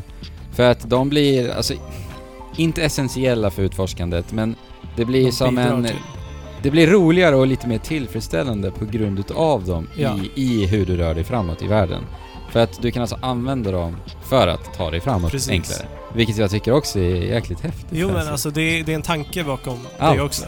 Ja, verkligen. Nej, 100% spelglädje för mig. Jag hade så här kul. Ja, det, vi, det visar sig för Verkligen. det 100% av det spelet också. Ja, jag är 100% i spelet. Till och med. Ja. Eh, alltså, jag vet inte. Det, det är kombinationen mellan att det är så otroligt beroendeframkallande i sitt spelförlopp. Mm. Alltså Och- pacingen är Ja, Och- genialisk. och att de har verkligen totalfångat spelkänslan. Det är Mm. det som gör att jag tycker om det här spelet så otroligt mycket. Ja, och Alltså- där, där, där du ser det med pacing Fabian. Det här är hur de har fördelat ut dessa olika föremål. När man precis har börjat Ja. känna så här, ja jag är trötta på det här nu, nu vill jag ha någonting nytt. Då kommer det nytt. Och de, alltså Ja. den fördelningen har de gjort, satt verkligen helt perfekt alltså. Ja, Ja. precis. Och alltså det blir ju aldrig heller riktigt tråkigt att gräva. För att du kommer över en grotta och där får du variation i form av ett helt nytt pussel, Pussel. som vi säger. Ja. Alltså, genialiskt. ja. Jag, jag kan inte säga nog bra saker nästan. Eh, vi, eh, Android, du har ju spelat det på switchen, kan jag säga. Ja, jag spelar på Switch. Det funkar super, super bra på Switch. eh, En jag, stark rekommendation. jag och Fabian det på PC. Funkar Och- lika bra där. Ja, det funkar jättefint där också. Kommer det här att komma till PS4 också? Ja, men precis. Eh, På fredag släpps det till resterande plattformar, inklusive, hörni, PS Vita. Jaha, ja. Ja. Coolt. Ja, precis. Så att, äh, äger en PS Vita, tveka inte. Nej. Det här ska du spela. Alltså, det här är ju ett spel, alltså gillar du på något sätt, har du någon gång funnit ett eh, plattformsspel underhållande helt ärligt? Då Ja, det tycker jag att du ska spela det här. Alltså faktiskt. För att alltså fysiken i plattformshoppande också är verkligen, det sitter som en smäck. Ja, ja jag är beredd att hålla med där. Faktiskt. Jag, jag skulle nästan gå så långt att säga att det är ett av de bästa Metroidvanias jag har spelat. Om man nu ska säga att det är en Metroidvania. Ja, som vi inte skulle göra. Ja men, det är ju en Ja. Metroidvania på det Alltså vi, ja. Eh, Och jag tycker ju att det är en indiepärla i samma grupp som Braid, The Witness och Bastion. Det, jag tycker Inte det. The Witness. Men ja, Ja, men- en indiepärla. Nu, nu, definitivt. nu, nu förpackar jag ihop riktigt bra indiespel. Ja. Jag säger inte att det är bättre än The Witness, jag menar bara att jag tycker att det här spelet kan nämnas tillsammans med Braid och Ja, absolut. Håller med. Mm. Oj, nu, nu fick jag ventilera mig här, men det här spelet är fantastiskt. ja, du har bara suttit där och kokat och vi har avbrutit dig. Ja. Nej, men eh, Ja. jag tror vi kan sätta stämpeln på att Trekraften rekommenderar SteamWorld League 2 nu när vi alla tre har spelat det här spelet och verkar gilla det här väldigt mycket. Men vet, okej, Precis. vet ni vad? Jag diggar det här spelet. Du diggar... Ah! Göteborgshumor. Ja, Ja. Såklart. ja, Ja. Du, du har blivit färgad. Du, du har blivit smittad. Ja. Jag har Alltså- faktiskt bott i Göteborg också. Ja, just det. Så att du har det lite med dig. Ja. Ja. Nej, eh, hörni, ut med, ut med er och ut och gräv och rädda Rusty nu. För att, gör det bara. Mm. Så Eller rör vi oss vidare. Rusty. Hitta Rusty. Vi gräver oss inte vidare, vi rör oss vidare nu. Tokyo Game Show ägde rum förra veckan och det såg inte jag, men det gjorde du, vet jag ändå. Gjorde du det Fabian? Eh, nej, jag gjorde inte det. Jag, jag såg Tokyo Game Show. Ja. Nej men jag, jag tittade på uh, Sonys... Livestreamat. Ja, just Ja, det. Sonys presskonferens. Ja, så var det. Klockan Sony eh, på Tokyo Game Show. ja. Sony på Tokyo Game Show. Eh, det har väl hänt en hel del på Tokyo Game Show utöver det förstås också, men... Jag fattar inte varför jag inte har tittat på det här egentligen. Jag Nej. borde ha gjort det, men det har glömts bort. Det har du inte gjort. Det är därför du är med i podden idag kanske. Ja. Mm. Mig något lyssnare nytt. i sammanhanget.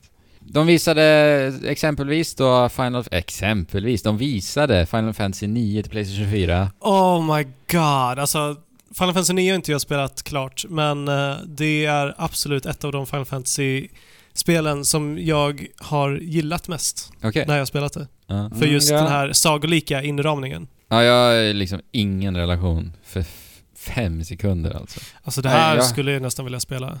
Du är spelare. Ja. Nej, jag satt och spelade det här med en gammal kompis till mig som var ett Ja. stort Final Fantasy-spel. Så jag har ju sett en hel del av Final Fantasy 9, men jag har ju aldrig varit ett riktigt Final Fantasy-fan egentligen. Sådär. Utan det är Men var ju- inte det här mysigt? Jo, alltså jag... Det här är väl fortfarande ett spel där man kan röra sig i overworld på en Chocobo. Ja. Och det är sånt som... Det, det ser ju mysigt ut.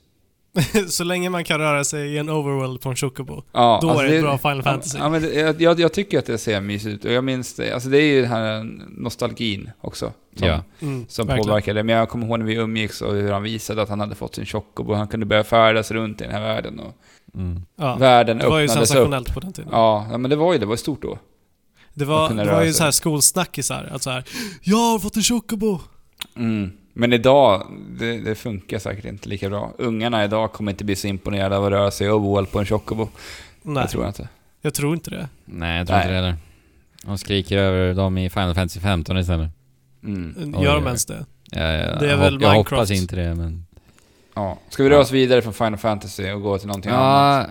Zone of the Enders får en uh, liten remaster till Playstation 4. Wow! Eh, och eh, det är alltså 4K remaster. Aha. Och även ett VR-tillägg. Usch! Mm. Usch! Ja, det låter ju kräks. Till PSVR. Det låter ju kräks. Det låter, det låter kräks. Ja. Är det Ja. någon som har spelat Zone of the Enders? Nej, jag spelade bara demot som jag tyckte var fenomenalt så när jag var minimänniska och tyckte robotar var skitcoola. Alltså jag, jag vet att man köpte Zone of the Enders för att man fick demo för... Vad var det nu? Om det var Metal Final... Gear Solid Ja, så kan, 2. så kan det ha varit. Om det är Metal Gear Solid. Jag tror det var så. Eller om det var att när du köpte Metal Gear Solid fick du demo på Zone of the Enders. Nej, kommer jag tror att det var Zone of the Enders som du fick ett demo på. För jag vet att många hade Zone of the Enders som hade köpt det just bara för att de fick det här demot. Ja. Mhm. Jag, jag har i alla fall spelat en demo på Zone of the Enders. Ja. På något sätt. Ja, eller ja. Men jag har inte spelat spelet. Jag har alltid liksom tyckt att det har sett eh, ball ut. Jag med. Alltså jag har typ dreglat över det här. Ja. Men inte fått tillfälle att spela det. Så det kanske Spela. faktiskt blir det. Faktiskt spela det. Inte VR. Nej, nej. Eh, I 4K då. Men testa, Utan alltså, en 4K-TV. testa och se om eh, ens barndomsdrömmar var Ja, våta precis. eller inte. Och jag vill bara säga också att det ser förvånansvärt snyggt ut. Jaså? Ja, det håller förvånansvärt bra. Nej. Jo, alltså det är ändå Det är ett ett Playstation PS2-spel. 2-spel. Kul att det håller bra idag. Ja. Det är kul. Ja. Sen fick vi se Supermassive Games eh, nya spel. Hidden Agenda heter det och är alltså ett Vi smart... kanske ska förtydliga där för de som inte vet vilka Supermassive är. Ja, det är de som utvecklade Until Dawn ju. Mm. till Playstation 4. Eh, och det här är ju ett smartphone-spel, Hidden Mm, Agenda. Okej. Och då är vi se- upp till sex spelare. Och Alex, jag tycker att du ska ta över nu här. Vad, varför spelar vi med en smartphone och sex spelare? Ja, Jag har ingen aning. Nej okej, du har inte kikat än. Nej. Eh, Men, Så att men jag lobbar tillbaka den det till dig här nu. Fortsätt. ja, men kan du inte gissa då? För att jag tror att du förstår. Får jag gissa? Nej men du vet ju. Vänta. nu ah, vet jag. Supermassive Games, smartphone. Okej, okej. Ja, Telltale- vi, ja, jag vet. Vi gör olika val säkert. Ja, precis. Det är som ett Telltale har gjort då i eh, sina spel, kan jag tänka mig. Man sitter Ja. i soffan tillsammans, en film rullas på TV, interaktiv film rullas på TVn. Och vi sitter med Yes. våra telefoner och gör olika val. Boom. Har jag rätt? Nice. Det är rätt. Känns som ett givet val i den här typen av eh, narrativa spel om man ska göra sådana här interaktiva filmer. Då borde alla ha den funktionen. Att kunna Ja. spela på telefonen. Ja, verkligen. Men, det det, här, här- spelas på Playstation 4. Nej, alltså det här är 100% smartphone. Och då Ah, så att alla... Så att du synkar alla smartphones. Ja, Och sen så sitter alla vid varsin smartphone. ja. Fy fan vad tråkigt alltså. Det, Det ser, låter ju det, tråkigt. så ser det, Det ut var, varenda dag när man går och sätter sig på tåget. Exakt ju alla så. Ja. Exakt så är det. Ja. Och det är, alltså det är bara smartphones ni spelar med. Liksom. Så att vi ska sitta och titta ner i våra smartphones när vi sitter och har en eh, fredagkväll Jajebox. i soffan. Så är det. Ja, det, Det hidden jag tummen ner på. Det var dåligt. Ja, Ja. ja. Men det är, alltså det, är- det är ju, det är ett enkelt koncept. Man, behöver, man blir inte beroende av en TV i alla fall. Så att, Men skulle inte ett sånt här spel funka, alltså utan att vara ett spel? Alltså, eh, alltså ett tv-spel, rent grafiskt tänker jag. Skulle man inte bara kunna alltså, göra en film och liksom spela in alla utgångar? jo, jo. jo det. Det borde du kunna Va- göra. varför gör man då ett spel, liksom? Jag vet inte. Det känns som att det är eh, mycket resurser där. Ja, det känns som att det alltså- borde vara billigare att göra det filmare. Film. Ja, precis. mycket billigare. Och, och det har aldrig hänt förut. Alltså det skulle ändå vara ganska stort om vi får, fick en film som var så. Alltså, jag, jag Ja, vet att, när, det jag vet jag att när vi var på Nordic Game förra året så var det ju ett spel där som gjorde den här grejen fast på PC. Sen Ja, vet inte det. jag hur väl det här spelet togs emot när det väl släpptes. Jag kommer inte ihåg vad det hette. Jag vet Inte jag att, heller, jag jag vet att Fabian pratade med en av utvecklarna där. Ja, Men, ja men eh, eh, det har helt och hållet... Ja, det har runnit. inte. Det såg det väl för- inte så... Nej, det var Jag vet så... inte. Jag ska inte uttrycka mig. Nej, man, man måste ju ha skådespelare också som kan spela för att ett sånt spel ska bli bra också. Jo, men det måste du ju även när du gör eh, spel. Jo, men Jo. Då, då behöver du inte spela du med kroppen. Du måste kunna Ja. spela, du måste kunna vara en teatermänniska och röra dig med kroppen och Mm. vet, hela kroppsspråket och allt. Men vi har ju i och för Ja. sig, vi har ett sånt spel nu när jag kommer att tänka på det. Vi har ett spel som heter Her Story. ja, som jo, kom- det är i och för sig lite så ja. Ja, det är sant. Men man kan göra mer. Alltså, ge mig en eh, film Ja, med det här Yes. konceptet. så rör vi oss Ja. vidare. Ja, Left Alive utannonserade Square Enix. Eh, det är något nytt tredjepersons eh, actionspel där vi befinner oss i ett... Eh, Zombie-infesterad nej, nej, nej, nej, nej, nej. Det här är krigsinfesterat eh, land Ja, okej. där Ryssland har gått bananas. Oj. Typ. Men det, det häftiga med det här spelet är att det är Georgi Shinkawa som är karaktärsdesigner. Och det är ju eh, den legendariska Metal Gear Solid karaktärsdesignern. Är det han som gör alla concept Ja. och grejer? Okej. Det är han som är så otroligt eh, duktig. Ja, alltså det är ju sjukt snygg konst. Ja. Eh, jag tycker dock att eh, det estetiskt liksom, i spelet känns ganska generiskt och det känns väldigt Metal Gear Solid faktiskt. Aha. Men just hans konst är ju som sagt fantastisk. Men det är ändå ett stort namn. Men alltså vad är det för spel? Nej men det vet vi inte. Alltså vi är inte, Nej, det är okej. ju en teaser. Okej. Ja, vi har inte fått sett någon gameplay eller någonting. Det är bara en utannonsering. Så det är ändå ett spel man vill hålla ett öga på i och med det, det stora namnet tänker jag. Får jag säga nästa? Absolut. Vi fick alltså en ny trailer på Monster Hunter World. Uh, ja. Yes. Och vi fick också ett datum. Ett releasedatum. Ja. Ja det var ju ändå faktiskt en eh, bomb. Alltså hurra. Alltså jag, jag förutspådde att det skulle hända i januari med tanke på att vi, man tittar på Capcom-spelen. Framförallt Resident Evil förra året. Varför sa du inte det i podden Alex? Nej, jag sa ju det till vår kära lyssnare Pajlen som jag stod och pratade med på Comic Con. Ja du gjorde det alltså? Ja, och just för att Resident Evil släpptes ju också i början på januari. Där någonstans, januari, januarifönstret var i alla fall. Ja just Men det. eh, Det- det Monster är Hunter. World kommer alltså 26 januari till PS4. Ja, Yes. i hela världen. Mm. Och alltså, nu när jag pluggar så tänker Mm. jag tentaperioder. Mm. Jag vill ju inte att spel ska släppas direkt innan en tentaperiod eller Nej. så. Så till exempel Mario Odyssey släpps precis efter en tentaperiod. Mm. Det är bara att hurra. Och det här släpps också precis efter Ja, det är en det. tentaperiod. Gött. Grattis. Så, Grattis. bra datum. Eh, ja, alltså ni som eh, lyssnar på Trekraften vet ju att vi alla är stora, stora Monster Hunter-fans. Mm. Och jag är otroligt förväntansfull. Det ser bara bättre och bättre ut för varje gång man får se Monster Ja. Hunter World tycker jag. Alltså verkligen. Det ser så bra Den här ut. nya trailern var, alltså det var, åh, det var De visar en massa nya monster, de visar det här nya flaggskeppsmonstret. De har ju alltid ett flaggskeppsmonster i och med alla Monster Hunter-spel ju. Ja, som Eh. blir Poster Monster, typ. Ja, Mm. ja men precis, Postermonster. och den här fick vi se och jag tycker den är så jäkla cool och vi fick se en massa nya miljöer som bara får en att tappa hakan. För att det känns, alltså det är så kre- mycket kreativitet i det här spelet, Mm. designmässigt. Och jag bara älskar det. Ja, fluffiga monster som blåser upp sig till en boll är också jättecharmigt. Ja, Men alltså det har ju aldrig sett så här bra ut. Och, och den Det- här nya eh, nivån vi fick se, det är alltså, tänk er ett korallrev, fast på ytan. Mm. Åh, det är så snyggt. Och det är så mycket Mm. färger. Och vi ser de här stora bestarna med de här fantastiska animationerna bara röra sig omkring.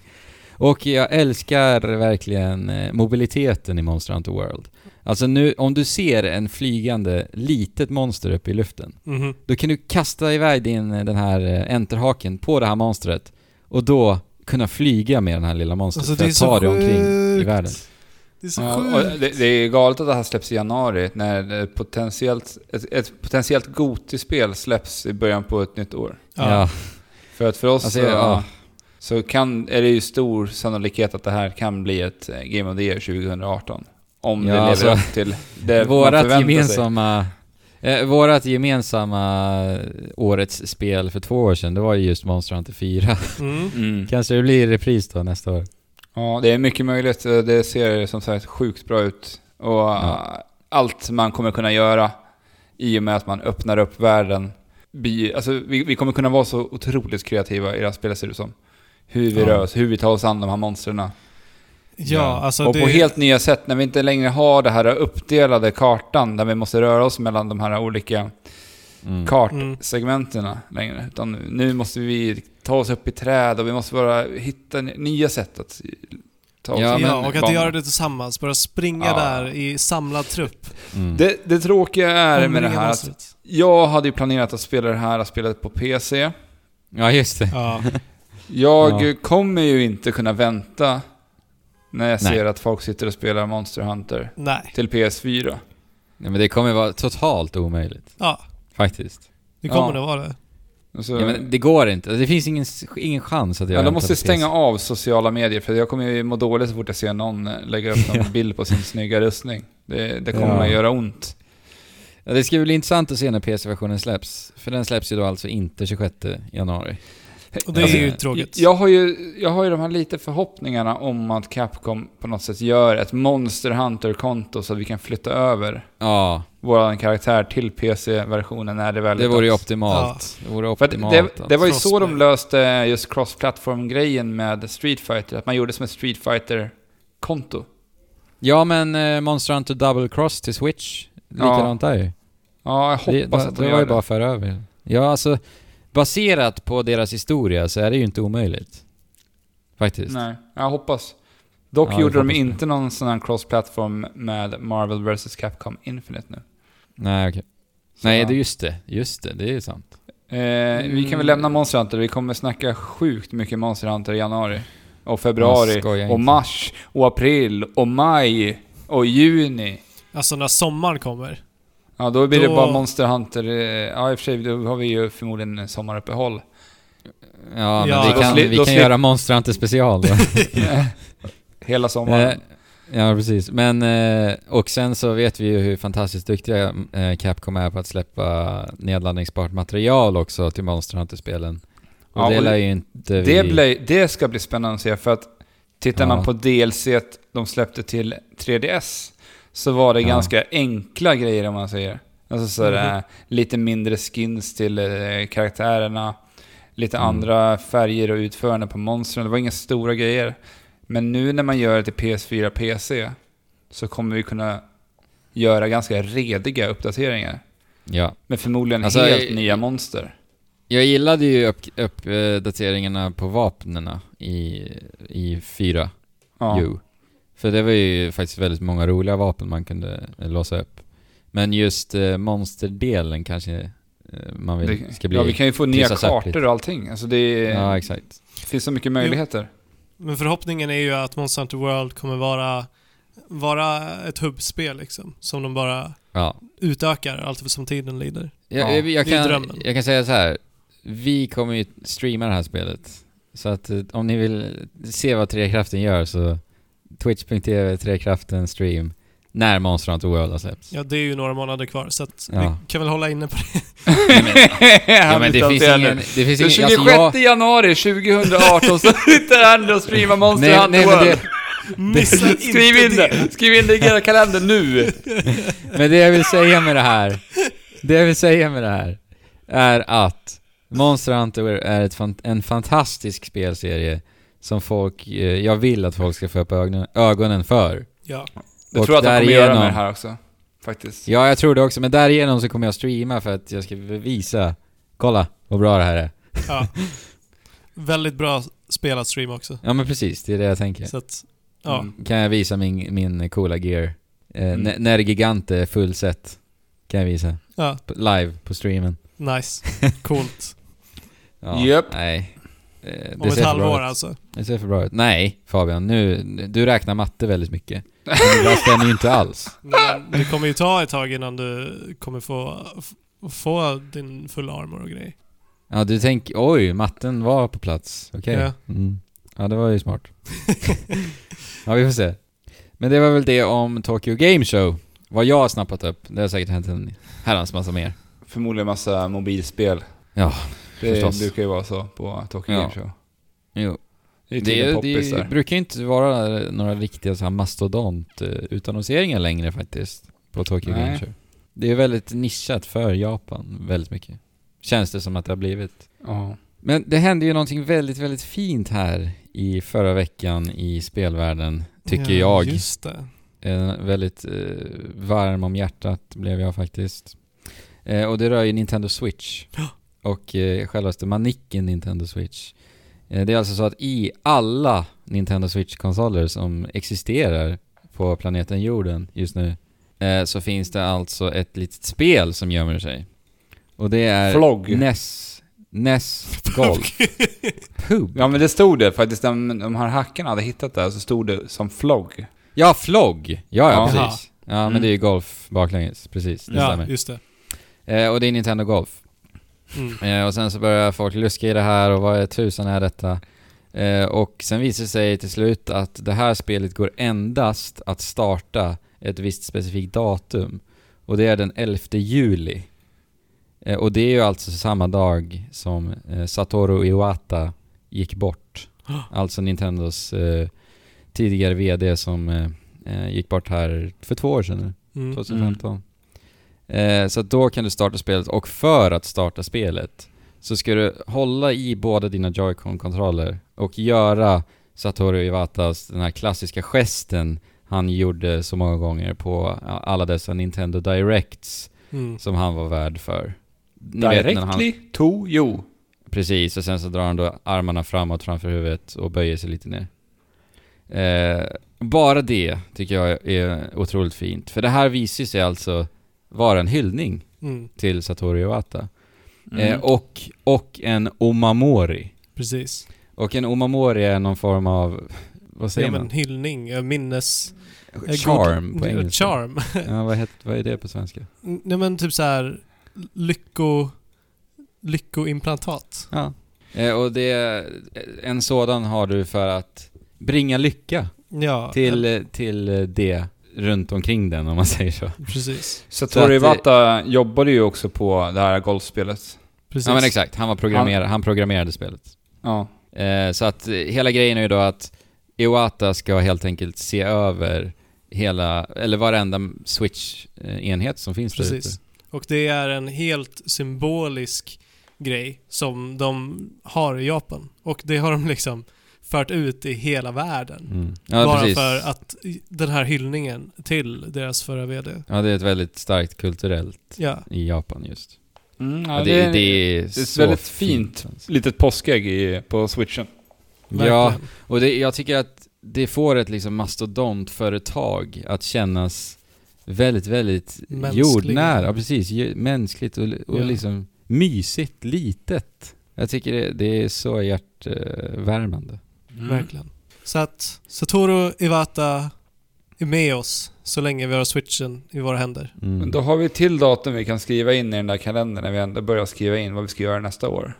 Ja, För då kan Mm. vi skriva in det datumet. Men det, blir- det blir liksom extra sorgligt också när, när han gick bort i en period där Nintendo in, kanske inte hade de, de ljusaste dagarna. nej. Och sen nu när det liksom går så bra för switchen och det är en succé nu så, så blir det liksom extra hjärtskärande Ja, men det är sätt. fint. Ja, det är så fint. Mm. Eh, så att, alltså, det här datumet kommer jag absolut komma ihåg. Dels för att han såklart då gick bort, eh, men också för att den här nyheten har uppdagats. Så jag kommer ju... Kommer du spela, kommer du spela Ja. golf? Oh ja! Jag kommer göra Directory to you-gesten och jag kommer sätta igång nu. Så Alex, vad var det för datum vi skulle skriva in nu? Det var den 11 juli. Ja. Så skriv in 11 juli 2018 och sen så den första... Nej, den 26 januari 2018 när Andrew streamar Monster Hunter World. Ja, Så uh, har ni lite inplanerat inför nästa år. För det är nog inte så många som har börjat planera vad man ska göra nästa år. Nej, inte jag i alla precis. fall. Det är lika bra att vara i god tid. Det tycker jag. Nej men det var väl det hörni. Eh, jag vill bara slänga en liten så här tips bara. Lite tjoffa in det här snabbt. Ja. Eh, The Witness har släppts till eh, iOS-enheter. ja. Eh, Det var ju snack om det väldigt... När det kom, att det skulle komma till iOS vi också. pratade lite om det också när Ja. det kom. Exakt. Och vi har ju tokhyllat det här i podcasten ju. Jag och Fabian, båda två faktiskt, eh, utnämnde det till årets bästa spel Jag- förra året. Älskar The Witness. Så att eh, det är såklart en rekommendation. Och Jag tror att det skulle funka skitbra på iOS. Alltså. Jag tror det också. Det är väl just uh, rörelse, alltså hur man rör sig. Ja, men det är så pass som, som lite kanske kan vara lite wonky. Det är så pass Ja. lite av det så att det Ja. funkar. För kolla, det, Det finns rätt många som spelar Minecraft på tablets och Precis. telefoner. Ja. Så att det, det är bara ett mindre problem. Och framför allt så kommer nog de här pussel... eh, Bu, vad heter det? Pusselterminalerna, panelerna, Det kommer ju vara att bättre. funka ännu bättre. Ja. Ja, så att det kanske är bättre, den ultimata versionen. det kanske det är. Ja. Så en eh, stark rekommendation. Finns nu att köpa. Mm. Boom. Men det var väl det gubbar? Ja, det. så trycker vi lite på din stream då ikväll Andrew, tycker jag. Ja, Ja. ikväll klockan 19.00. Ikväll, da, idag onsdag alltså då. Ja. Så att lyssnar du det här på torsdagen, då är det ju för sent. Synd. Sa vi, det, sa vi det tidigare att vi har, tänk, att vi har som tanke nu att streama ons, Nej, onsdag det har vi framöver? inte sagt.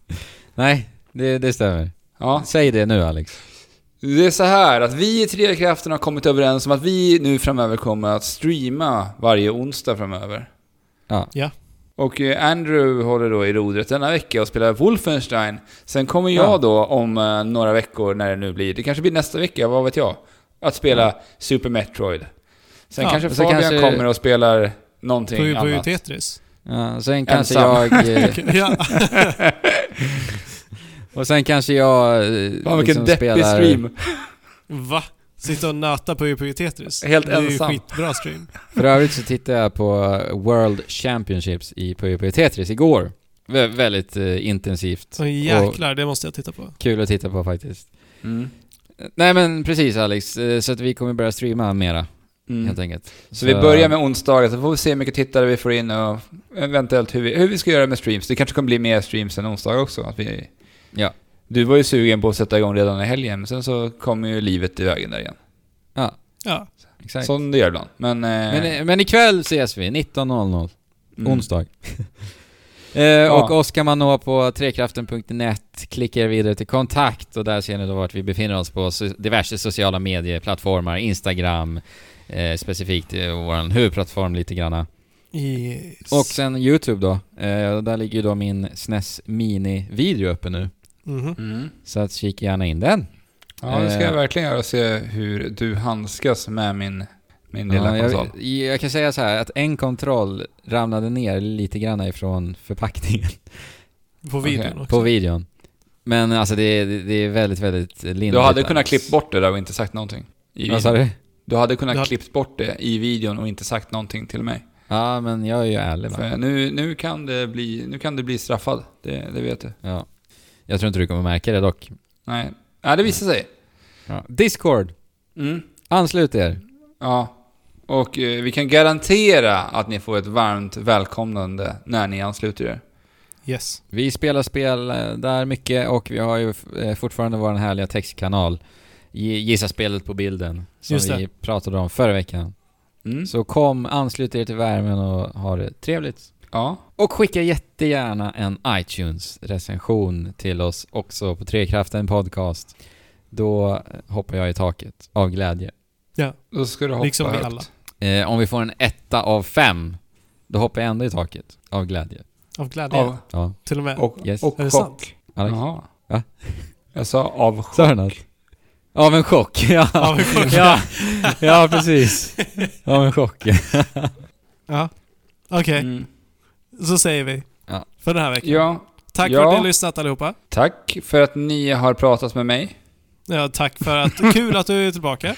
Tack så Det mycket. har varit utan- det, är kul, det var kul Alex. att vara tillbaka. Ja, Kändes härligt. eh, trevligt att kraften eh, äntligen var enad igen. Jajamensan. Och med det sagt då, så säger vi spela på allihopa och Och chip. chip. Shula. Tjena. Oh, oh. Oj!